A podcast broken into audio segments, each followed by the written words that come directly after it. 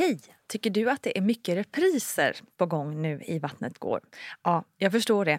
Det beror helt enkelt på att jag, Nina Campioni, just nu har en pop-up second hand i Modgallerian i Stockholm.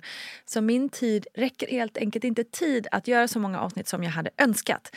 Men tills jag är tillbaka på full tid, kom gärna och hälsa på mig i Modgallerian. Vi ses! Och då, hade, var jag lycklig med att tänka att nu är jag öppen 7 cm. Liksom. Nu, nu är det, nu är det på G. Kommer in och får reda på att jag är öppen en. Så bara där var det ju liksom lite utav en käftsmäll för mig. För jag kände liksom att va? Skämtar du? Är det, det, är det ett skämt det här? Nej, det är det inte tyvärr. Nej, okej. Okay.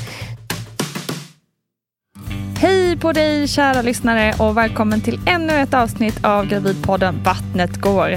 Så kul att du är med mig här varje vecka och fördjupar dig i, ja, kanske det viktigaste ämnet av dem alla.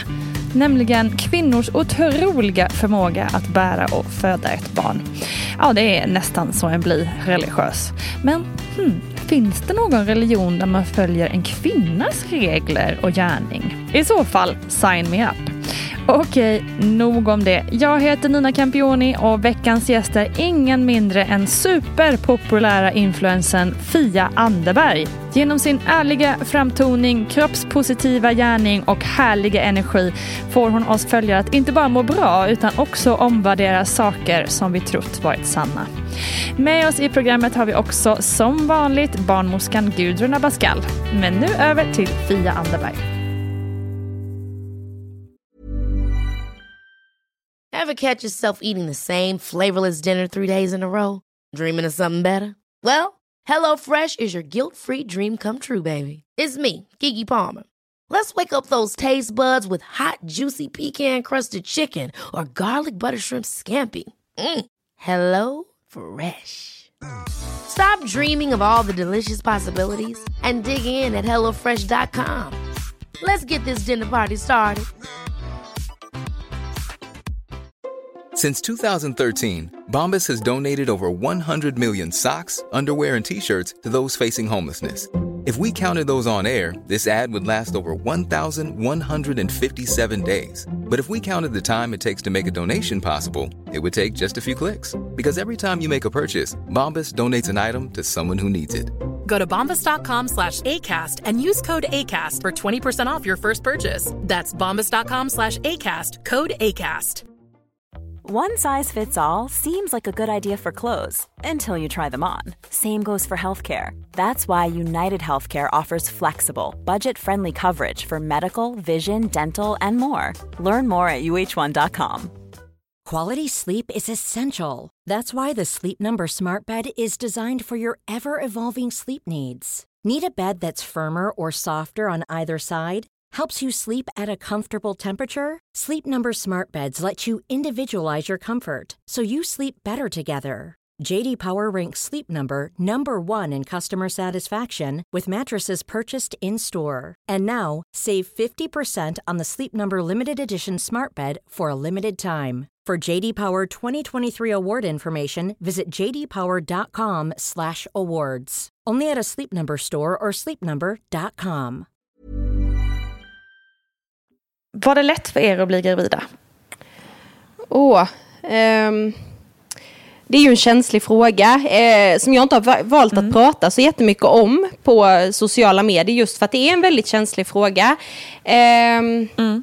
Av väldigt, väldigt rimliga anledningar. Eh, men samtidigt tänker jag så här att hade vi haft svårt att bli gravida så hade jag naturligtvis pratat om det. Så att ja, vi hade turen att eh, ha lätt för att bli gravida. Med respekt för att alla inte har det.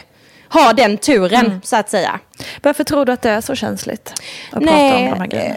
Eh, nej, men alltså att folk kastar upp eh, i ansiktet liksom att oh, han viftade bara med kalsongerna så var jag på smällen typ. Det tycker jag, ja. jag förstår att det är jättekänsligt om man har levt ofrivilligt barnlös. Liksom. Att man kämpar och kämpar och kämpar och så kommer någon och bara säger att nej, vi behövde knappt ha sex, vi blev gravida ändå. Liksom.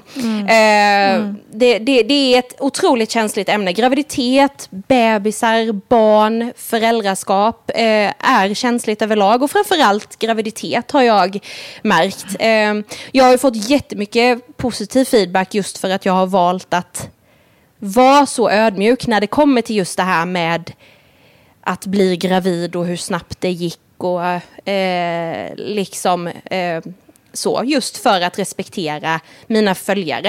Eh, har jag valt att inte gå in på det. Samtidigt som jag då, som jag sa till dig, att hade jag hade vi haft problem med att bli gravida så är det en resa jag hade väldigt gärna velat de- dela med mig utav. Eh, till, Då jag vet att det är väldigt vanligt. Absolut är det så. Hur var det? Var det planerat då? Det var det, eh, kan man säga. Det var lite så här, nu tar mina p-piller slut, nu är jag på sista kartan. Ska jag skaffa nya eller ska jag inte? Lite så var det. Eh, Och så bestämde vi för att vi inte skulle skaffa nya p-piller. Och så var Så det körde ni på. på liksom. ja, lite så. Ja. Mm. Hur var det som gravid då? Oh. Ja, eh, till en början var det ju eh, jobbigt. Eh, usch, eh, fy, första tiden var... Ja, alltså den tröttheten skojar man inte bort. Den är från en helt annan eh, värld. Det går inte att beskriva. Eh, jag hade turen att inte må så illa. Eh, så jag behövde inte kräkas sådär jättemycket. Däremot var jag trött. Trött, trött, trött, trött. Jag kunde sova i timmar. Alltså. Och dålig matlust hade jag också. Jag hade svårt att liksom finna aptit i någonting. Men ehm, sen så kom det ju där runt, ja vad är det, vecka 20 där, in på andra trimestern där, oh, då var ju livet helt fantastiskt och bur, kulan var helt perfekt lagom eh, stor och man kände sig fab och man hade det där glowet och hej och hå.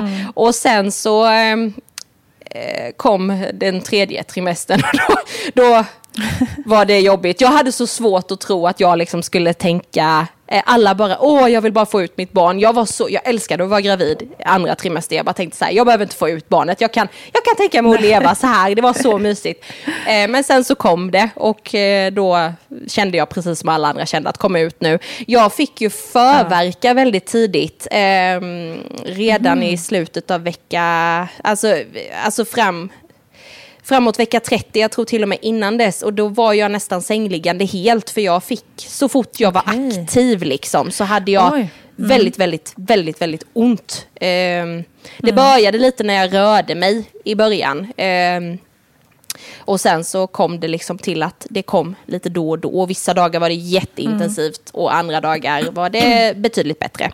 Men jag, jag var helt säker på att jag skulle föda tidigt. Just på grund av det då. Men tji fick jag. Det spelar absolut ingen roll hur mycket förverkan man har. För det har inget samband tydligen. Så nej, det gjorde jag inte. Men när du fick de här förverkarna, var det någonting, alltså, kände du själv i kroppen, ja men det här är bara en förverk, eller kun, kunde du bli nervös och bara, men shit, är det redan dags liksom? För jag menar, jag- kunde, kunde du själv fatta skillnaden trots att det var ditt första barn så att säga? Nej, alltså jag tyckte, jag kände mig väldigt orolig till och från. Jag tror vi var uppe på förlossningen en, äh, två eller tre gånger för att kolla liksom så att det inte var igång. Jag tyckte det var väldigt svårt och jag kände mig faktiskt väldigt orolig inför förlossningen. Hur ska jag veta? Eh, hur ska jag veta att det är igång och inte liksom?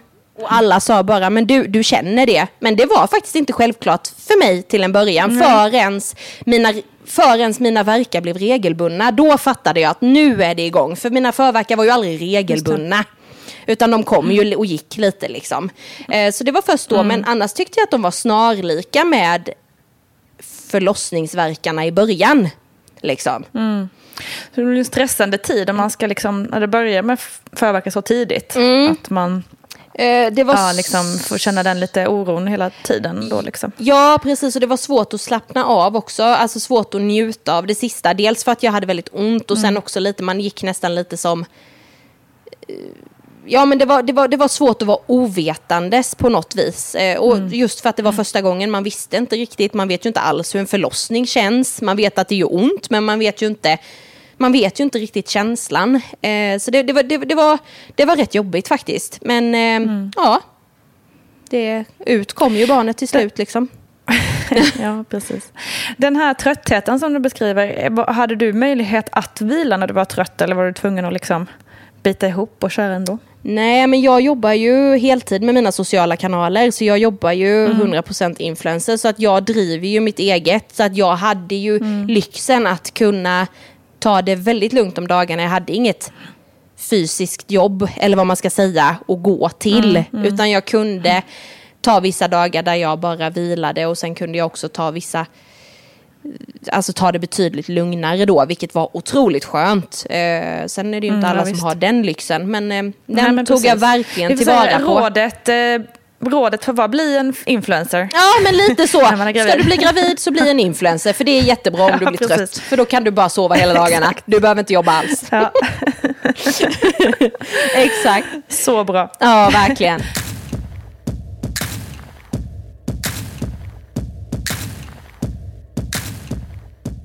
Du, jag tänkte lite på, här, på det här just med ditt influencerskap. Du pratar ju väldigt mycket om eh, kroppsuppfattning och liksom eh, självkänsla kring det och så vidare. Just under en graviditet så förändras ju kroppen ganska mycket. Mm. Hur har dina tankar varit kring allt det här? Alltså först och främst så hade jag, eh, alltså till en början så kände jag mig verkligen peppad på att bli gravid. Eh, just när vi, i och med att vi försökte och jag kände, men det är ingenting som kommer påverka mig. Eh, när jag väl blev gravid sen så kände jag att då, tyckte, då, började det bli lite läskigt just för inför det här första samtalet man hade hos barnmorskan.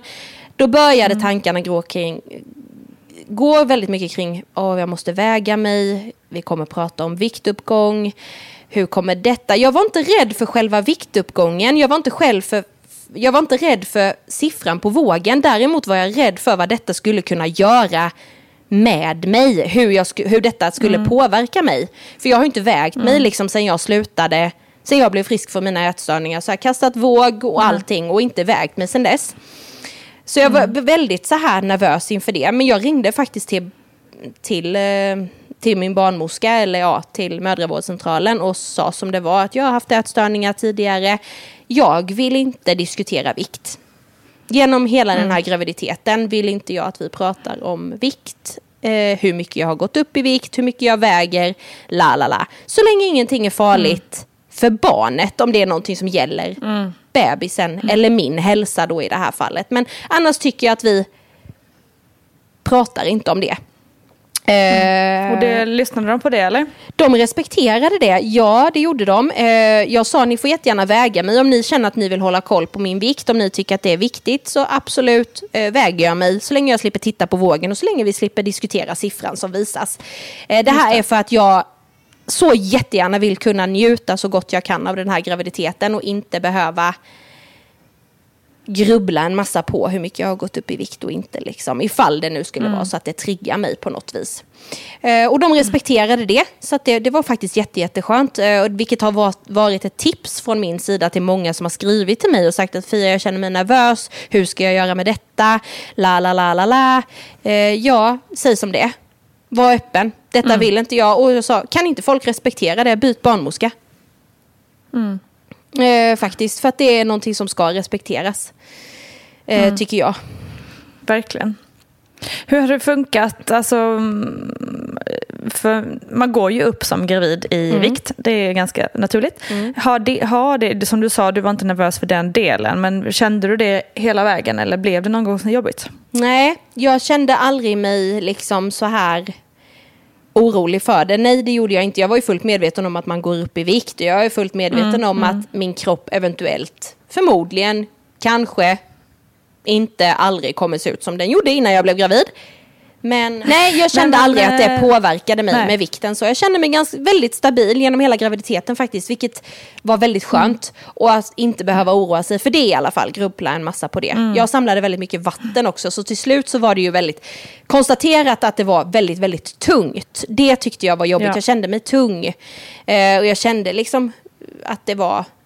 Eh, men det, så är det väl för de flesta antar jag.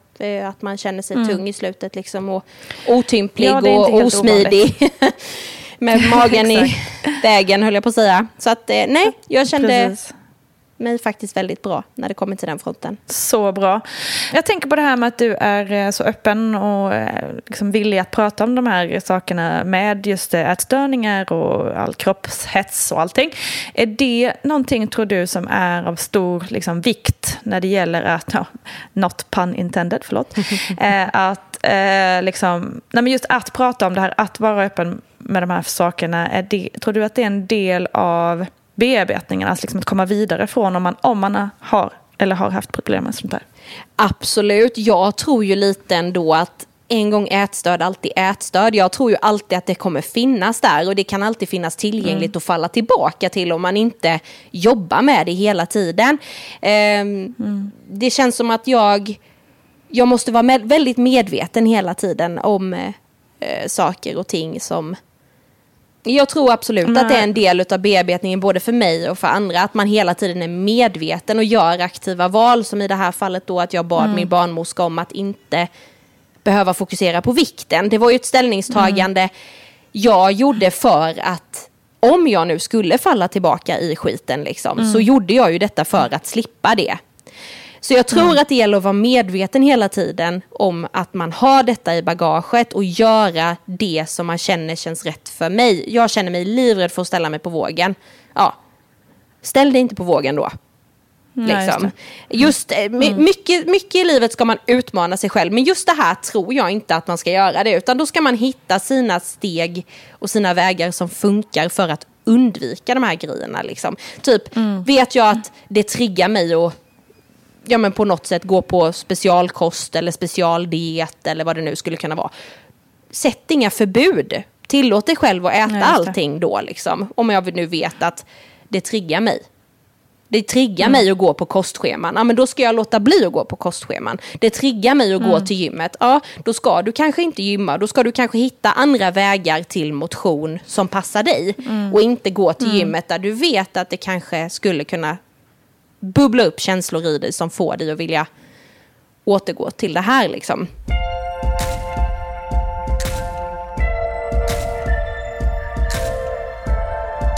Hur förberedde du dig på förlossning? Du mm. sa att du var mm. lite nervös innan. Ja, det var jag. och sådär. Samtidigt är jag glad att jag var så lugn som jag var, för det blev inte mm. alls som jag hade tänkt mig.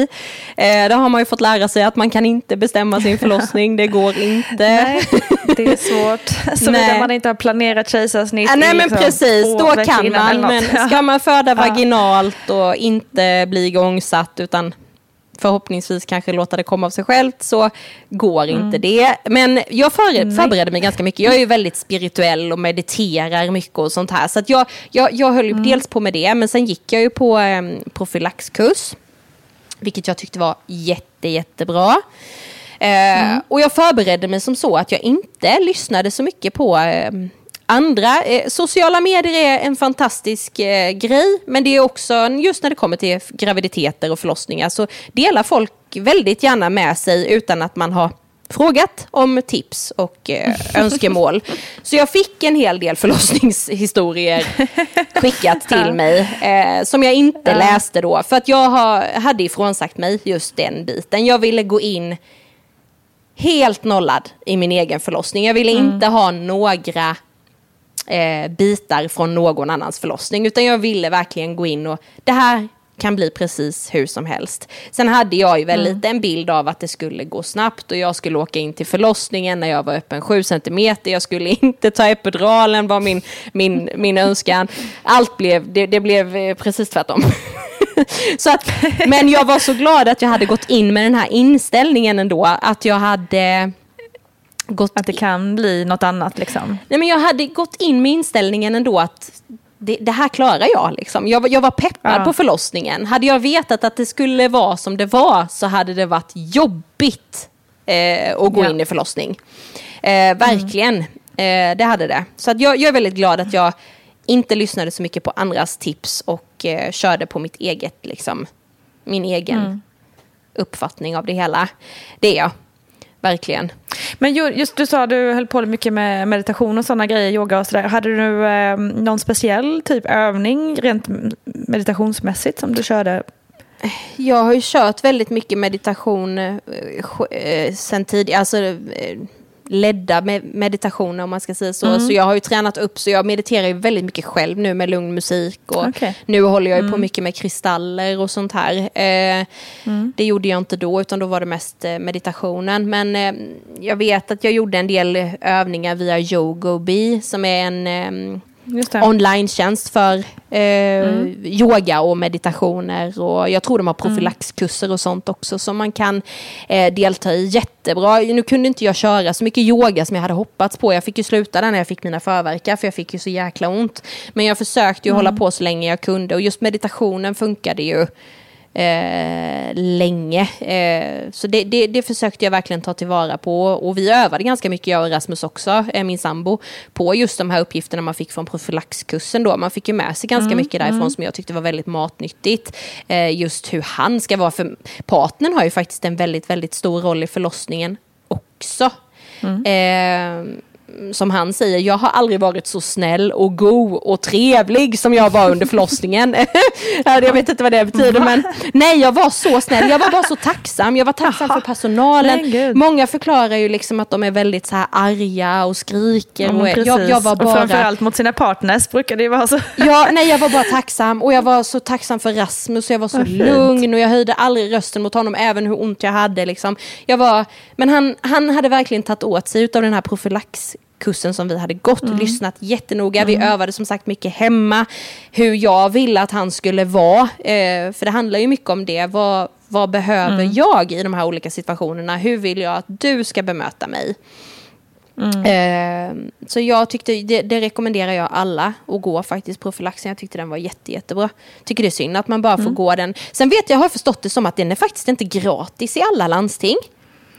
Nej, det är nog väldigt olika. Ja, hos oss är det ju gratis. Man får ju dock bara gå den med första barnet, vilket jag tycker är synd. Jag tycker man borde få gå även uppfräscha. Men eh, jag tycker den borde vara kostnadsfri hos alla faktiskt, för den är fantastisk. Eh, jag förstår om det kan ta emot att betala för den. Jag hade betalat för den, det hade jag gjort, verkligen.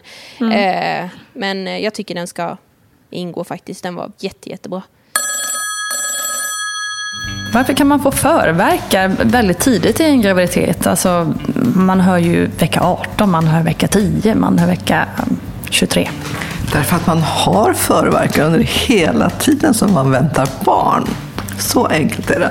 Livmodern drar ihop sig. Sen är det väldigt olika hur kvinnor känner av det hela. För det vanligt är det första barnet så känner man ju mindre förverkar och senare och så vidare.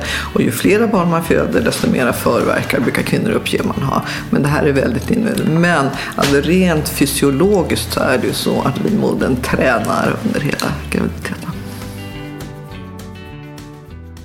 Men Hur märkte du liksom att det var någonting på gång då? Du gick över tiden sa du? Mm. Åh, jag skulle haft den 6 maj och hon är född 11 maj. Så jag gick ju för ja, men typ fem dagar där eller någonting. Gick jag över. Nej men som sagt till en början var det jättesvårt att avgöra om det var igång. Ja. För jag hade ju mycket förverkar som sagt. Och eh, det var ju så det hela började. Att man kände lite och eh, liksom lite så här. Ja. Det var ju först sen när jag märkte att de kom liksom var, var 15 minut, var, fjär, var 20 minut. Eh, som jag liksom tänkte att det är nog igång nu. Liksom. Nu är det nog igång. Och då ringde jag ju hem Rasmus och sånt här och underrättade alla som behövde veta att nu, nu har det satt igång. Så nu får vi se liksom, när, det, när det är över så att säga. Men eh, ja, eh, så, så det var väl egentligen... Hur är det i Halmstad? Med, alltså I Stockholm och stora städer diskuteras det väldigt mycket det här med liksom platsbrist och eh, stressen inom eh, mödravården och förlossningsvården och sådär. Hur är det i Halmstad? Fanns Alltså- det någonsin någon oro för liksom, att få plats på förlossningen? Eller Nej, jag födde ju i maj. Eh, så att eh, det hade nog varit värre om det var i, mitt, i mitten av sommaren, liksom juli. Då hade jag nog haft lit, varit lite orolig för då är det mycket turister och sånt som är där nere. Men, eller här nere. Men nej, jag hade faktiskt inte den oron. Eh, det hade jag inte. Ja, eh, jag känner mig väldigt lugn. Förlossningen i Halmstad är ju faktiskt en av Sveriges bästa. Har de ju fått utmärkelse för. Så att det var väldigt Heja lugnt. Halmstad! Ja, Gud vad bra. mm, verkligen. Det, jag, det är ni värda, Halmstadborna. Ja, precis. De är duktiga. Ja. ja, men vad skönt. Men okej, så sen började du få verkar var 15-20 minut ungefär. Mm. Vad, vad hände sen? Nej men det här började vid lunch någon gång och sen ringde jag väl hem Rasmus vid tvåtiden. Och, eh, detta, det, jag kan ju berätta då att hon är född den 11, detta började den 9. Så att jag höll på i 48 Okej. timmar. Jag hade en jättelång Okej. förlossning. Det var därför jag inte tyckte det var så kul. För jag var rätt trött på det. Nej, jag. Nej men eh, jag kan säga, jag hade täta verkar eh, på kvällen där sen. Eh, då hade jag tre verkar på tio minuter ungefär. Så att vi gjorde oss redo för att åka in. Eh, faktiskt. Eh, för då var det outhärdligt. Då, då hade jag ont och då hade, var jag lycklig med att tänka att nu är jag öppen sju centimeter. Liksom. Nu, nu är, det, nu är det på G. Kommer in och får reda på att jag är öppen en. Så bara där var det ju liksom lite utav en käftsmäll för mig. För jag kände liksom att va? Skämtar Det du? förstår Är det, det, är det ett skämt det här? Nej, det är det inte tyvärr. Nej, okej. Så de gav ju mig, och så hade jag väldigt högt blodtryck så jag var tvungen att bli inlagd. Eh, så de fick hålla lite koll på mig. Eh, Så vi fick, jag fick en klassisk sovdos eh, då. Eh, så vi fick övernatta där, jag och Rasmus. Men det hade inte hänt så mycket på natten där sen så vi blev hemskickade sen på förmiddagen igen. Eh, vilade, tog det lugnt. Sen drog det faktiskt igång på kvällen igen. Då hade jag tre verkar på tio minuter igen. Så vi åkte in för att få reda på att jag var öppen två. Ah.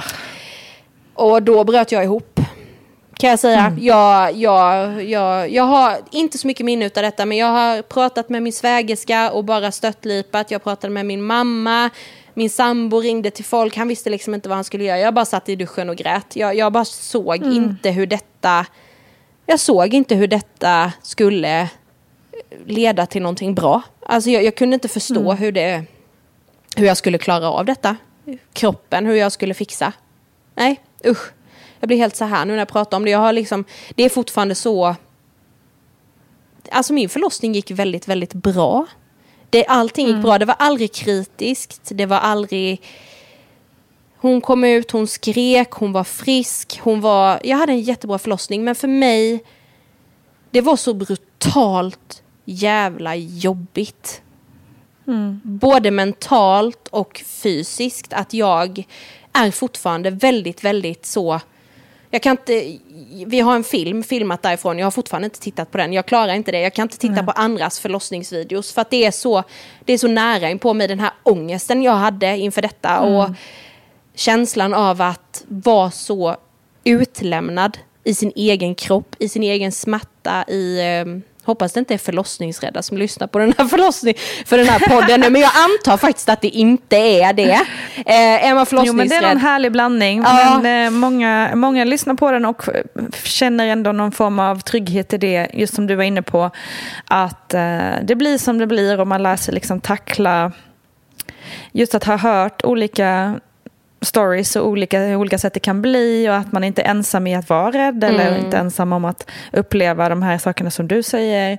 Ehm, jag tror, det, vad jag förstår så är det många som ändå finner någon form av trygghet och blir mindre rädda faktiskt att höra Mm. olika berättelser. Just att det är så, alla är så olika. Mm, det är Så jätteskönt. kan man ändå känna att man är förberedd på olika händelser. Liksom. Ja. Ja, nej, så det, det var eh, fruktansvärt eh, faktiskt. Eh, jag... Var det, kan du, tror känns det som att det var, kan man liksom specifiera om det var det mentala som var det värsta eller om det var liksom smärtan och det fysiska? Tycker du? Ja, men alltså, jag tyckte det gjorde så ont. Alltså, jag, jag, Mm. Och just för att det var, det var nog en kombo utav båda. Just smärtan Mm. var ju, är ju brutal. Men just att jag hade den så jäkla länge och känslan av att det inte hände någonting. Liksom. Jag hade Mm. så täta verkar, jag hade så ont. Och de bara, du är öppen två. Och jag bara, men det kan ju inte vara sant. Hur ont ska det här göra? Nej. Det var nog mer så. Ska det bli värre? Liksom, än det här. Ehm, Men här sitter jag och har ett barn. Alltså man klarar ju det. det är ju, kvinnokroppen är ju helt fantastisk.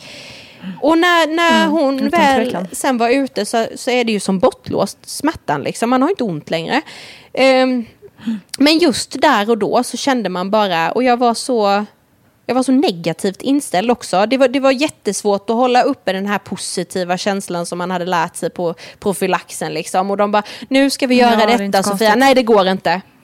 Nej, går Nej. inte det? Nej, det går inte. Ja, Men vi gör så här istället. Nej, det går inte heller. Nej, men hur ska vi göra då? Nej, jag vill inte mer nu. Nej, jag Mm. vet inte hur många gånger jag sa att jag inte vill mer. Eh, Mm. Man är fruktansvärt utlämnad till smärtan och ens kropp. Mm. Eh, det finns inget man kan göra där och då.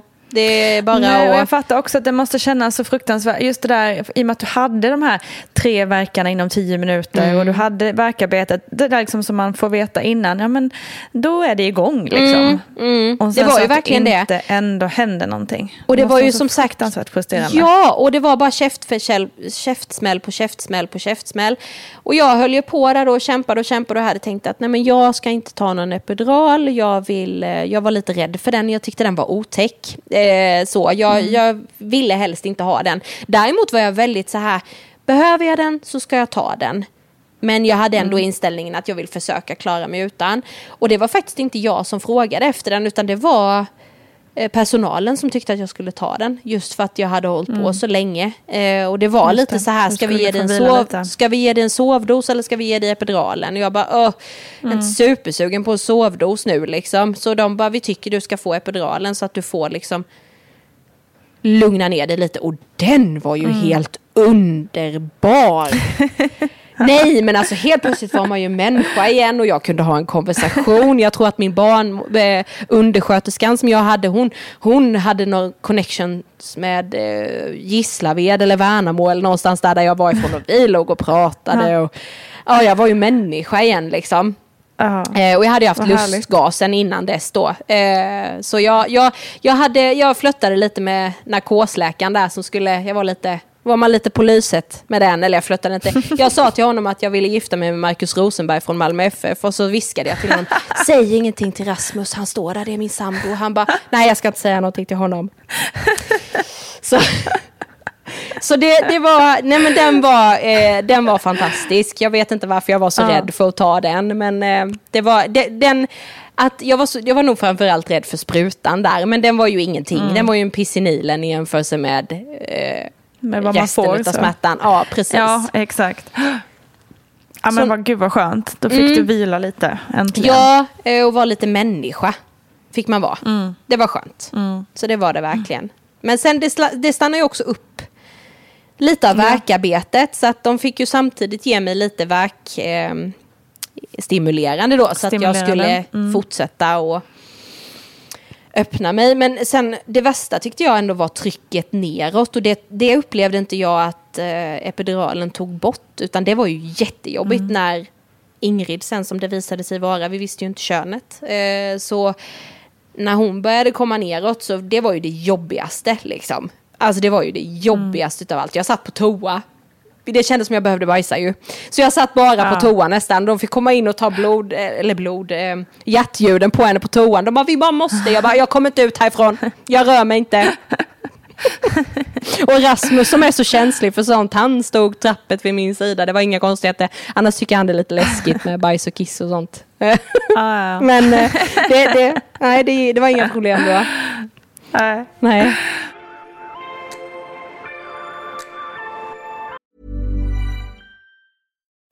Life is full of what ifs. Some awesome, like what if AI could fold your laundry? And some, well, less awesome, like what if you have unexpected medical costs? United Healthcare can help get you covered with Health Protector Guard fixed indemnity insurance plans. They supplement your primary plan to help you manage out of pocket costs. No deductibles, no enrollment periods, and especially no more what ifs. Visit uh1.com to find the Health Protector Guard plan for you. Quality sleep is essential. That's why the Sleep Number Smart Bed is designed for your ever evolving sleep needs. Need a bed that's firmer or softer on either side? Helps you sleep at a comfortable temperature? Sleep Number Smart Beds let you individualize your comfort so you sleep better together. JD Power ranks Sleep Number number 1 in customer satisfaction with mattresses purchased in-store. And now, save 50% on the Sleep Number limited edition Smart Bed for a limited time. For JD Power 2023 award information, visit jdpower.com/awards. Only at a Sleep Number store or sleepnumber.com.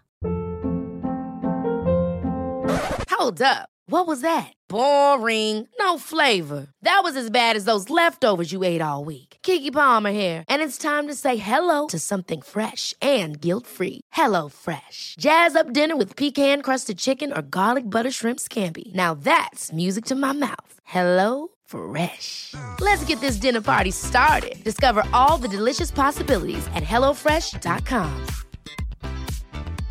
This is Paige, the co-host of Giggly Squad, and I want to tell you about a company that I've been loving, Olive and June. Olive and June gives you everything that you need for a salon quality manicure in one box. And if you break it down, it really comes out to $2 a manicure, which is absolutely insane. It's also so easy to get salon worthy nails at home with Olive and June. The difference between how your nails used to look when you did them yourself and now with the Manny system is a complete game changer. The best thing about Olive and June too is it's a quick dry. Dries in about one minute, lasts for five days, and full coverage in up to one to two coats. Visit oliveandjune.com slash perfectmanny20 for 20% off your first system. That's oliveandjune.com slash perfectmanny20 for 20% off your first system. Hey, it's Ryan Reynolds, and I'm here with Keith, co star of my upcoming film, If, only in theaters, May 17th. Do you want to tell people the big news? All right, I'll do it. Sign up now and you'll get unlimited for $15 a month and six months of Paramount Plus Essential Plan on us. Mintmobile.com slash switch. Upfront payment of $45 equivalent to $15 per month. Unlimited over 40 gigabytes per month. Face lower speeds. Videos at 480p. Active Mint customers by 531.24 get six months of Paramount Plus Essential Plan. Auto renews after six months. Offer ends May 31st, 2024. Separate Paramount Plus registration required. Terms and conditions apply if rated PG.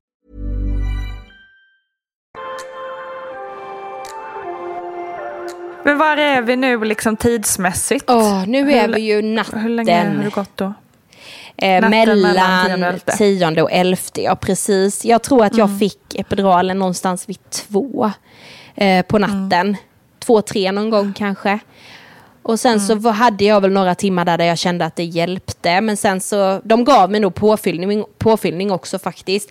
Men Mm. sen så i samband med att trycket neråt så började det bli jobbigt. Jag satt mycket på pilatesbollen vet jag, men den var jag van vid för jag sutt- satt jättemycket på pilatesbollen hemma. Eh, just för att det hjälpte till väldigt mycket vid förverkarna, så jag var väldigt, väldigt Ja. förberedd på den faktiskt. Den hjälpte. Ehm, men det var brutalt jobbigt, eh, just trycket neråt. Det, det, eh, nej, så det var lite halvjobbigt att epiduralen inte hjälpte. Men dock har jag hört att det hjälper för vissa. Att det tar bort trycket neråt också. Är ju, allting är ju så otroligt Ja. eh, liksom, individuellt. mm, Så vissa det är ju känner ju inte... svårt att säga generella saker. Jag vet ju många som har sagt att de inte hade några krystvärkar ens en gång för Edan tog bort det också. Så att, ja. Precis. Men ehm, nej, och sen så hon är ute 11.55. Eh, så och jag så du har krystade. en hel natt där i alla fall ju. Ja, eh, precis. Så jag öppnade ju mig ganska så långsamt. Men sen vet jag, jag tror det gick rätt så snabbt där på slutet. Så, gud, man har ju så dåligt minne också. eh, det känns som man kommer ihåg allting, men det gör man ju inte. Ehm, Nej men det blir ju också, speciellt du som hållit på så länge så blir det ju, allting går ju ihop och, och, och man är ju lite Alltså man kan, det är klart att man blir något groggy när man går igenom den här starka smärtan och håller på länge och blir trött naturligtvis. Du sover ju inte där på hela natten gissar jag. nej, Ehm, Och jag- Så är det inte alls konstigt att allting flyter ihop. Liksom. Jag började ju med lustgas redan vid 3 cm öppen. Så att jag började ju vid det väldigt Mm. tidigt. Sen tror jag de satte edan vid 4. Mm. Ehm, sen badade jag någon gång däremellan med. Och jag var, det, det, det, det var rätt intressant faktiskt. Jag var så väldigt bestämd att jag ville, skulle vilja bada. Men det, det tyckte jag inte Mm. var skönt. För jag fick inte bada så varmt som jag ville. Nej, de vill inte ha så varmt. Nej, och, då, och så satt man ju med halva kroppen över. Så det var ju hälften kallt och hälften varmt. Nej, det tyckte inte jag var så trevligt. Det var inte alls som jag hade tänkt mig att det skulle vara. och då hade vi inget badkar hemma heller. Så att, Det var eh, inget jag, spa. Ja, nej, jag, så känslan av obehag överlag i förlossning. Liksom. Det är ju inte så att man bara, åh gud vad jag lägger mig här och njuter. Så känner man ju inte riktigt. Nej, nej, så är det ju. Nej. Nej, men det är ju synd, för den varma, det varma vattnet ska ju ändå kunna hjälpa mot smärtan och så, men då Ja. måste det ju vara lite varmt också. Ja, förstås. precis. Och vi hade, inget varm, vi hade inget badkar då. Vi har det nu, men eh, vi har inget badkar, eh, hade inget badkar i det huset vi bodde i då. Så att det var inte heller Mm. aktuellt. Jag sa, bo, bodde ju i duschen dock. Alltså jag duschade ju Mm, alltså, jättemycket eh, hela kvällen där i stort sett innan när vi kom in Mm. fram till så att jag badade en stund och sen fick lustgas liksom. Så jag satt Mm. nog i duschen i en två, tre timmar i sträck liksom. Det var ju skönt. Det var det. Det hjälpte lite. Ja, det gjorde det faktiskt. Verkligen. Kände du skillnad sen eh, när det liksom övergick i krystvärkar? Mm, ja, gud ja. Det var ju som demoner tog över ens kropp liksom. Man bara... typ. Nej men alltså det, man styr ju inte det själv. Eh, det, det är jättehäftigt hur kroppen bara jobbar. Samtidigt lite så här, ja nu får du inte krysta. Man bara... Nej okej. Eh, det, det är ju omöjligt att eh, right. inte krysta Ja. här nu liksom. Men eh, okej. Det, det var jag väldigt så här. Men då skulle man ju inte, jag var nog inte, mina krystvärkar började nog lite innan jag var öppen 10 centimeter. Okej. Eh, så att eh, jag, eh, är det möjligt fysiskt eller är jag helt ute och cyklar nu? Det är en bra fråga för Gudrun känner jag. Ja. Det här med att få krystverka innan man ens har nått 10 centimeter. Eh, hur funkar det där vid en förlossning? Man får krystvärkar, det beror ju på hur långt ner i förlossningskanalen barnets huvud har trängt. Alltså en, en kvinna kan ju bara ha öppnat sig bara till 5 cm och barnets huvud har kommit väldigt långt ner så att det, där trycket mot ändtarmen kommer. Så att eh, det, är- det är väldigt ovanligt men jag tycker inte att det är så ovanligt faktiskt att många kvinnor känner, känner av den här krystimpulsen kan man säga tidigare innan den blivit retraherad. Och då brukar man ju då som, så försöker man ju som barnmorska stötta kvinnan på ett sådant sätt att hon inte ska börja aktivt krysta. Det är ju ingenting som är jättefarligt eller jättekonstigt så mer än att modermunnen kan svullna upp och så vidare, att det ställer till sådana problem. Det kan ju också vara att barnet har en stor fostersvulst, vattnet gick tidigare och barnets hud formas om och därför så kommer det här trycket tidigare. Men det är ingenting som är farligt. Men här ska ju barnmorskan hjälpa till för att, att börja och krysta tidigt det gör ju att det blir lite tuffare för barnet och det gör också att det blir tuffare för kvinnan naturligtvis, som att man tar ut krafterna tar, tar slut mm, tidigare och sedan så är risken för bristningar är något större om man börjar krysta för tidigt. Men det, det är ingenting som, som vi tycker är något så här, åh, aj då, börjar jag krysta nu, utan, det, utan det, där får man hjälpa till liksom, att hålla strategi för. Eh, För det, jag kan blanda ihop det också. Men jag, jag fick inte börja krysta det första jag fick i alla fall. Utan jag skulle vänta ut någonting. Vad det var, det vet jag Just inte. Om jag inte var tillräckligt öppen eller om hon inte var tillräckligt långt ner. Jag vet inte. Eh, Eller om det var för att du inte skulle spricka kanske? Kan Ja. ibland. det var ju lite så. Eh, så jag, jag fick inte börja krysta där. Och sen tror jag jag krystade någon halvtimme. De är ju väldigt duktiga. Jag har, de, Halmstad har ju framförallt väldigt bra rykte eh, just när det kommer till det. Eh, och hålla det så li, få bristningar som möjligt. Och jag sprack ju ingenting. Vilket var väldigt, väldigt skönt efter den förlossningen kände jag. Jag hade inte varit sådär jättesugen på att "Ja, nu ska vi ner och sy här lite. Man bara nej tack. Nej, precis. Helst inte. tack, det är bra. Eh, ja, lite så. Eh, sen kom ju inte min moderkaka ut dock. Eh, så det var ju nära på operation där. Det var ju på, jag vet inte hur lång tid är det? Är det en halvtimme max eller är det för länge? Det är också en väldigt bra fråga. Det är också en bra fråga för Gudrun. Det har jag faktiskt inte koll på. Ja, det är det verkligen. Nej. Hur lång tid kan en moderkaka sitta fast innan man måste operera den? Ja, på det vill jag ju svara att det, den viktigaste parametern det är att man ser om, om moderkakan inte lossnar och kvinnan börjar blöda. Då spelar det ingen roll om det är tre minuter eller om det är tio minuter, eller vad, utan då är det ju blödningens storlek som, som gör att nej, här måste vi agera snabbt så att kvinnan inte förlorar för mycket blod. Är det så att kvinnan inte blöder, ja, då brukar man säga att efter en halvtimme ska man börja bli lite mer observant och så sedan efter en timme så brukar man på de flesta kliniker idag säga att då hämtar vi ut moderkakan. Och då, kom, då kommer man till operation och så får man en, en eh, kraftig ryggbedövning och så går läkaren in med handen och hämtar ut moderkakan. Så att det är ju inte att man behöver skära eller göra någon operation så utan man man stoppar in en hand och så hämtar ut moderkakan. Det går väldigt snabbt.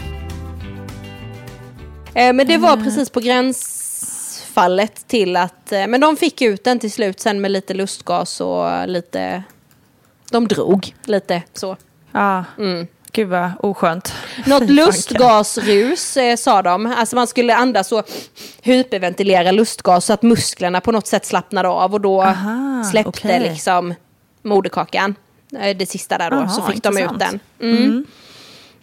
Eh, Det var det också... ont? Eller hur? Nej, jag var så påverkad av lustgasen där och då så det kändes Ja. inte. Eh, jag kände Gud, ju att den lossnade liksom, det gjorde jag ju. Men det var ingen smärta Mm. eller så. Det var det inte. Så att det, var, det, gick, det, det var tacksamt att jag slapp opereras kände jag bara. Mm, eh, det var inte något jag var heller jättesugen på där och då. Så, När du eh, var färdig? Ja, det var jag. Eh, definitivt. Jag var färdig på alla håll och kanter kan man säga. Ja. Hur var känslan då när hon äntligen var Åh. ute? Ja, men det var ju så sjukt. Jag hade varit så säker på att det var en flicka. Och Mm. så var det vår lilla Ingrid som kom ut. Nej men det går ju inte på skriva när jag fick upp henne på bröstet. Alltså, det var, då var det ju helt plötsligt och smärtan var borta. Och eh, då var det ju värt det. det var, alltså, man känner ju inte direkt under förlossningen att oh, men det här är värt det. Så känner man ju inte. Man tänker ju inte så. För man förstår ju heller inte känslan. Man kanske känner annorlunda under andra förlossningen när man faktiskt vet, om man ska ha fler barn. Att man känner att då vet man vad det innebär när bebisen kommer upp för bröstet och den här kärleken man känner. Men i och med att jag inte hade fått några barn sedan tidigare så var inte jag heller medveten om den känslan. Så att för mig var det väldigt så här, är detta verkligen värt det? Är det är det, det? Är, det, är, det, är det så jävla underbart som folk säger? Är det så värt den här smärtan att få upp det här barnet på bröstet? Men det är Ja. det. Det kan jag säga. Det Ja. är det. Det är det. Det är den bästa Det är en belöningen jäkla som tur finns. att det är det. Alltså. Ja, det får man ju verkligen säga. Eh, sen är det väl de som inte kanske känner den här direkta kärleken till sina barn heller. Att det växer fram. Nej, det är jättevanligt. det är absolut. jättevanligt att man inte känner det här. Åh, det första och det...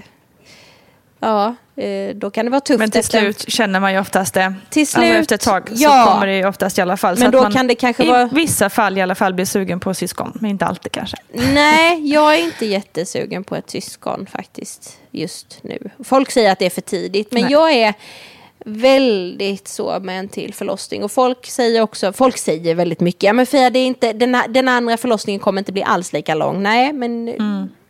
nej. Så känner jag. Ja. Eh, Herregud, det får ta den, den tid det tar om man nu vill komma fram till Ja, att man är intresserad av ett syskon. och om man- så, det är inget måste heller. Nej, antingen vill man eller så vill man inte. Och vill man så är det ju en fråga om man kan överhuvudtaget. Det är ju ingen Visst. självklarhet bara för att man har lyckats få ett barn innan så är det ju ingen självklarhet att man kan få ett till. Så att det, det, det får vi se hur det skulle vara med det i så fall. Mm, precis. Men eh, Man får lyssna på sin kropp och sitt sinne och liksom ta varje steg som eh, det kommer i den tid det tar. Ja, enkelt. men sen är det som jag har pratat mycket om också, det är ju liksom en enorm eh, bedrift för kroppen att bli gravid och föda barn. Alltså kroppen förändras ju något enormt. För, för männen är det rent fysiskt en utlösning. En liten härlig stund. Eh, och sen är det väldigt mycket mer för kvinnan. Eller Gud, ja. mamman Det är som bär barnet. Det minsta man kan säga. Eh, det är liksom en kropp man ska acceptera under en graviditet. Det är en graviditet som kanske kan vara jättelätt eller så kan den vara jättejobbig. Sen är det en förlossning man ska ta sig igenom som kanske är jättelätt eller så är den jättejobbig. Det kanske blir komplikationer, det kanske inte blir det. Alltså det, det är så mycket och sen är det helt plötsligt en kropp som man ska acceptera efteråt. Det kan vara amning om man vill amma, om man kan amma. Eh, vill man, om man att inte vilja amma och bli bemött med de kommentarerna. Varför vill inte du amma? Folk har ju så mycket åsikter kring amning. Eh, Amning är ju ett jätte, jättehett ämne. Eh, har ju varit på mina Gud, ja. sociala kam- kanaler liksom. eh, just amning. Eh, Hur, så det hur har det varit för dig då? Oh, eh, nej men, Amningen, ville du amma? nej men jag ville amma om jag kunde. Eh, och eh, jag kunde, men jag hade ju inte så mycket mjölk. Och jag, det, det som jag blev bemött av var ju framförallt att alla kan amma och alla har mjölk.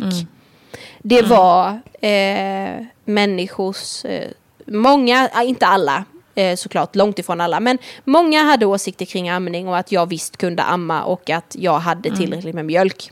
Eh, det eh, håller jag inte riktigt med om. Eh, jag gjorde så gott jag kunde men jag gav tillägg vid sidan om för att göra henne nöjd. Annars fick jag sitta med henne i tuttarna ja, 24 timmar om dygnet och hon var ändå gnällig som bara den. Så att eh, vi gav tillägg och det funkade jätte, jättebra för oss. Ehm, Så jag, jag körde på både amning och eh, så länge det gick. Eh, och det var väl vid tre månader började det, fyra månader slutade jag nog helt tror jag. Och sen så tre månader där någonstans började det liksom dippa av lite. Jag märkte att hon blev inte riktigt nöjd då. Så att, eh, ja, jag tycker man gör som man känner.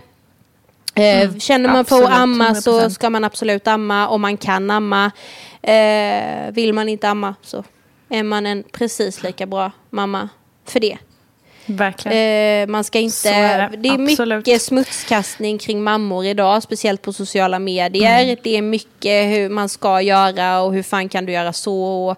Mycket åsikter, eh, jättemycket åsikter och jag tycker det är så tragiskt. Vi måste landa någonstans i att alla försöker vi göra det som är bäst för våra barn.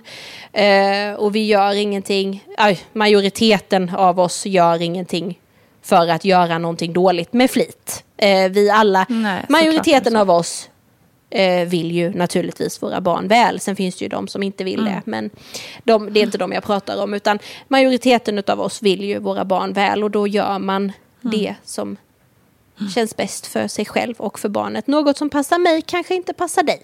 Och något som passar dig Precis. kanske inte passar mig. Så är det. Eh, men man ska landa i att vi alla gör vårt bästa. För att vara en bra förälder. Har du fått mycket skit på dina kanaler tycker du? Nej, jag är väldigt beskonad från hat faktiskt. Det var en del åsikter kring am- amningen och människor som då valde att dra alla under en... Alltså dra alla, eh, ordet alla. Och jag tycker det, det, man kan inte dra ordet alla, man kan inte säga alla kan amma. Det är som att säga jag har gjort ett klädesmärke för alla kroppar. Alltså det, det, det, är, liksom, det är typ Nej. fysiskt omöjligt eh, för alla. Eh, många kan amma, de flesta kan amma, så kan man säga. Men man kan inte säga att alla kan amma, för alla kan inte amma. Det kan bero på olika aspekter. Har man kanske opererat brösten, förstorat dem, förminskat dem, det kan påverka amning. Eh, det finns jättemycket saker som kan påverka amning. Eh, jag, Hur mycket som helst. ja, Visst är det så? Ehm, så jag... eh, Man gör sitt bästa och det som passar. Och sen som sagt Mm. finns det ju de som inte vill amma och då tycker inte jag man ska hålla på och ifrågasätta det. För det finns säkert en anledning till varför personen inte vill amma. Och då ska man inte behöva Mm. göra det. Eh, jag tycker man gör sitt bästa. Så nej, jag har inte fått så mycket hat. Däremot mycket tips Nej, och råd. Det ska man ju säga. Mycket tips. Eh, Välmenande ja, råd. väldigt mycket pekpinnar och så får du inte göra. Det var Ja. nästan värre när jag var gravid var det. Det var mycket pekpinnar. Eh, jag har fått säga ifrån några gånger för att jag har sagt att nu får ni liksom lugna ner er lite. Man blir någon slags allmän... ehm, allmän... Intressant. eh, Ja, ens mage blir någon slags allmän... eh, Vad ska jag säga? Åsiktsplats. Ja, Ja, lite så. visst. Det ger folk rätten att kommentera huruvida man ser ut, hur ens mage ser ut, vilken form den har, vilket kön man bär på, eh, hur mycket man har gått upp i vikt, hur mycket eh, lite man har gått upp i vikt, hur liten man är för den veckan man är i, hur stor man är i den veckan man är i. Eh, du måste ju ha tvillingar så stor som du är och gud nej. Och, ja, nej. Man blir någon form av... Eh, ja, det, det, det, Man blir ett objekt. Ja, man det blir innan man. Så är man verkligen ja, ett objekt. Då. Det blir man, verkligen. Det är inte helt lätt, eh, verkligen inte. Det är mycket åsikter och tankar och som sagt råd. Jag, eh, det här kanske man skulle spara till sist, men jag, jag fick ju ett jättebra tips från min svägerska. Som för, hon, hon var gravid, det som var roligt, hon var gravid med sitt andra barn. Eh, tre veckor innan Ingrid, så att det skiljer bara tre veckor på dem. Okej. Min svägerska och Ja, Ingrid kul. min svägerskas In- Vilja och min dotter Ingrid. Eh, jättekul Mm. verkligen att få dela detta med henne. Eh, hon gav mig ett jättebra tips och det var välj ut tre personer som du väljer att lyssna på genom hela graviditeten.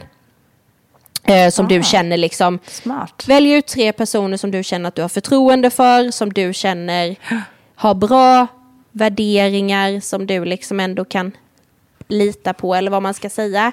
Eh, så jag valde ut tre personer som jag valde att ställa frågor till eh, och lyssna på.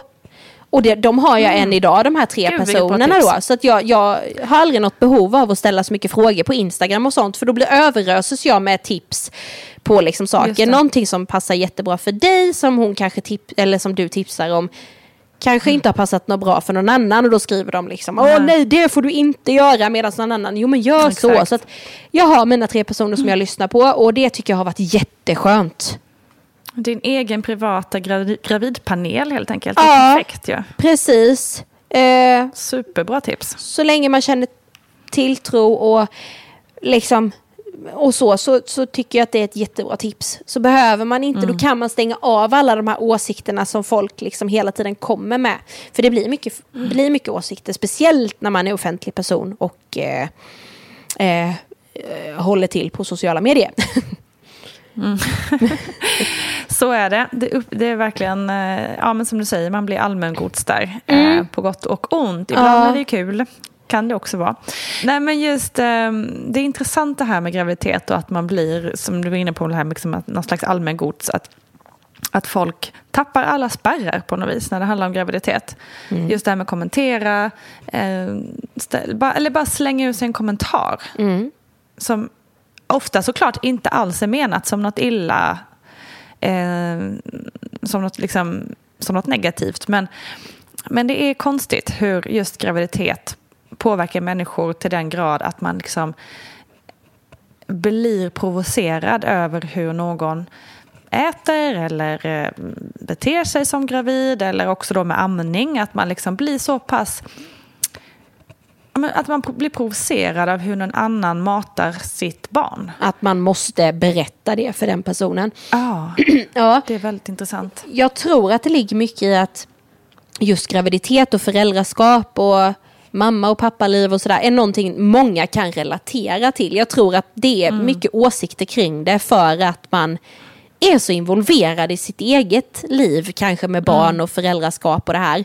Att man liksom gärna, jag skulle ju aldrig gå in, om du är gravid i vecka 37, skulle jag ju aldrig gå in och berätta för dig om min förlossning. Helt oprovocerat bara skriva, åh gud, Nej. nu är det nära.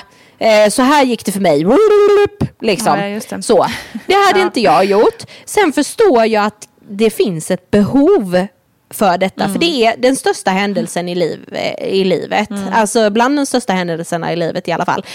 En förlossning. Eh, har man kanske inte så mycket vänner eller liksom att dela med sig av detta till så kanske man måste ventilera Mm. eh, det till någon. Men det man inte tar hänsyn till, det man glömmer här då, vill jag läsa detta? Nej, just det. Ehm, det är liksom det där problem, problematiken blir lite som i mitt fall då, jag ville inte läsa eh, andras förlossningsberättelse. Jag hade sagt klart och tydligt att jag vill inte läsa. Visst, nu kan det ju varit så att den personen inte har sett det eller missat att jag har sagt detta. Men liksom, det som blir fel här är ju då att någon skriver någonting till mig om sina händelser som jag inte vill läsa. Exakt. Eh, och det, det är ju där problematiken blir. Det är ju likadant med tipsen och råden jag eh, fick. Liksom. Alla de här. Ja, det var allt ifrån att man kunde äta sushi till att man inte kunde äta sushi. Det spelade liksom ingen roll. Jag vet jag la upp någon gång att jag skulle äta sushi och så la jag till en story på Instagram efter då att ah, men det var vegetarisk sushi så alla kan lugna ner sig. Liksom. Lugna ner er.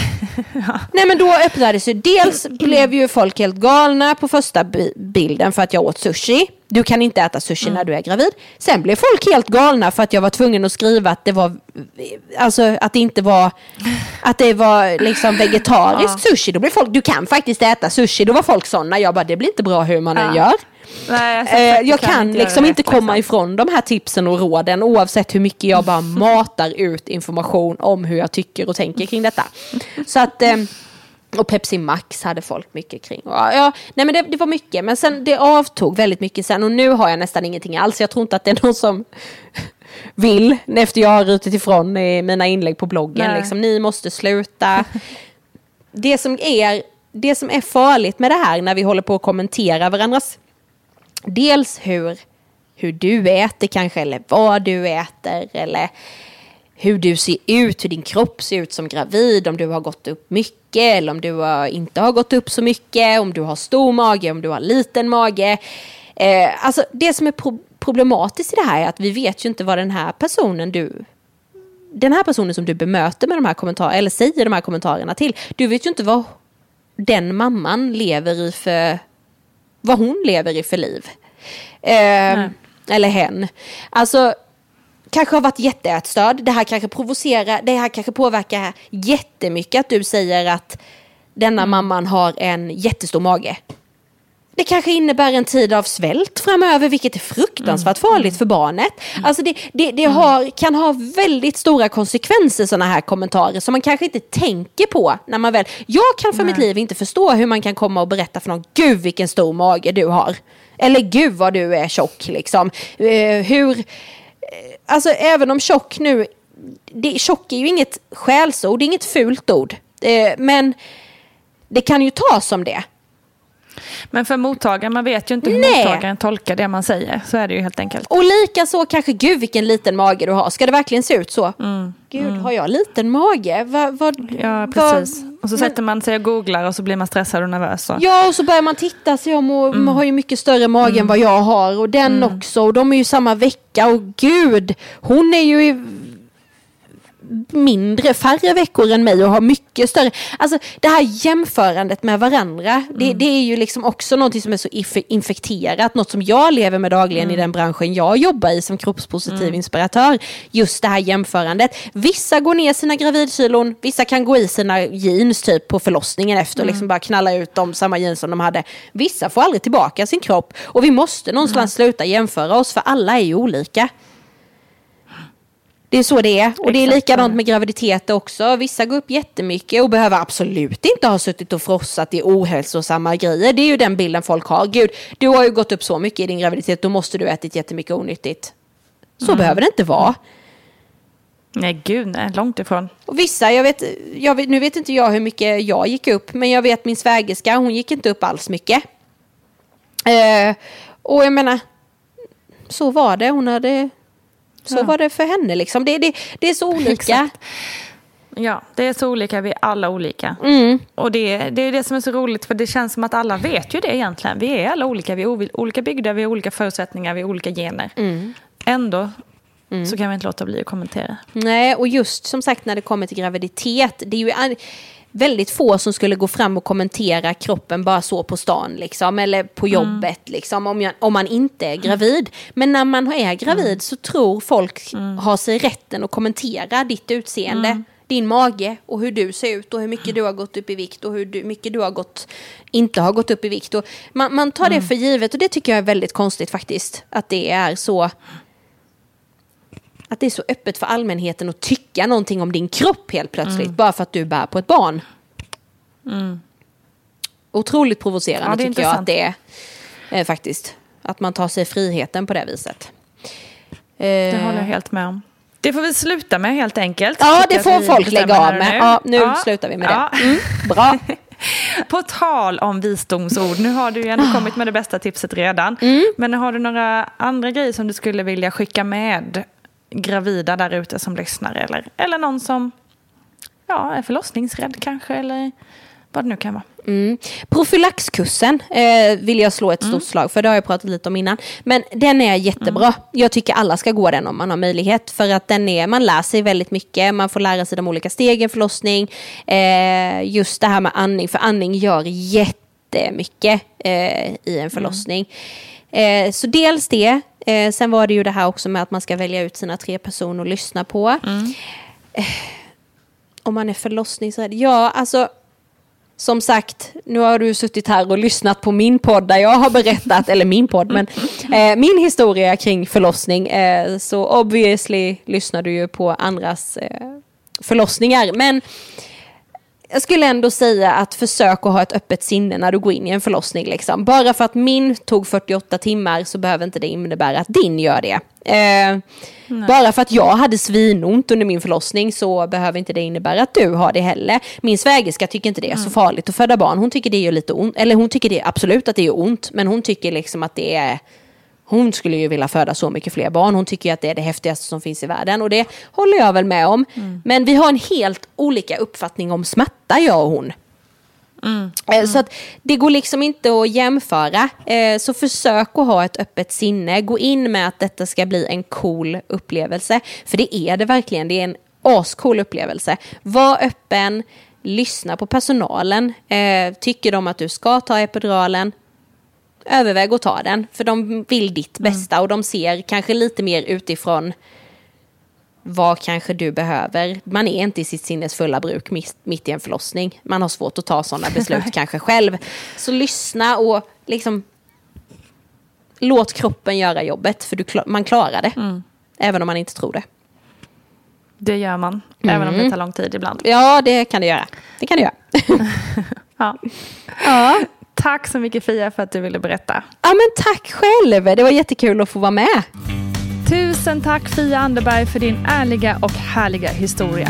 Tack också till dig kära lyssnare som tagit dig tid och lyssnat på hela avsnittet. Du är så viktig för mig och för den här podden. Kom gärna också med till mammagruppen på Facebook så pratar vi mer om exakt allt möjligt. Kram på er, vi hörs snart igen.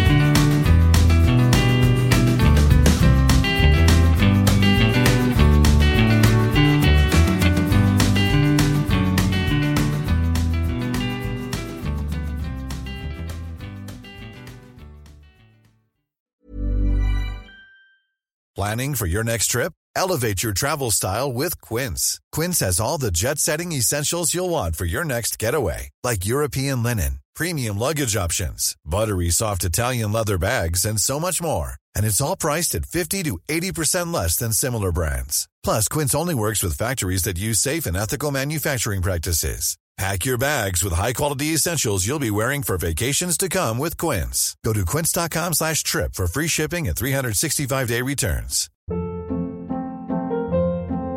Hold up. What was that? Boring. No flavor. That was as bad as those leftovers you ate all week. Kiki Palmer here, and it's time to say hello to something fresh and guilt-free. Hello Fresh. Jazz up dinner with pecan-crusted chicken or garlic butter shrimp scampi. Now that's music to my mouth. Hello Fresh. Let's get this dinner party started. Discover all the delicious possibilities at HelloFresh.com.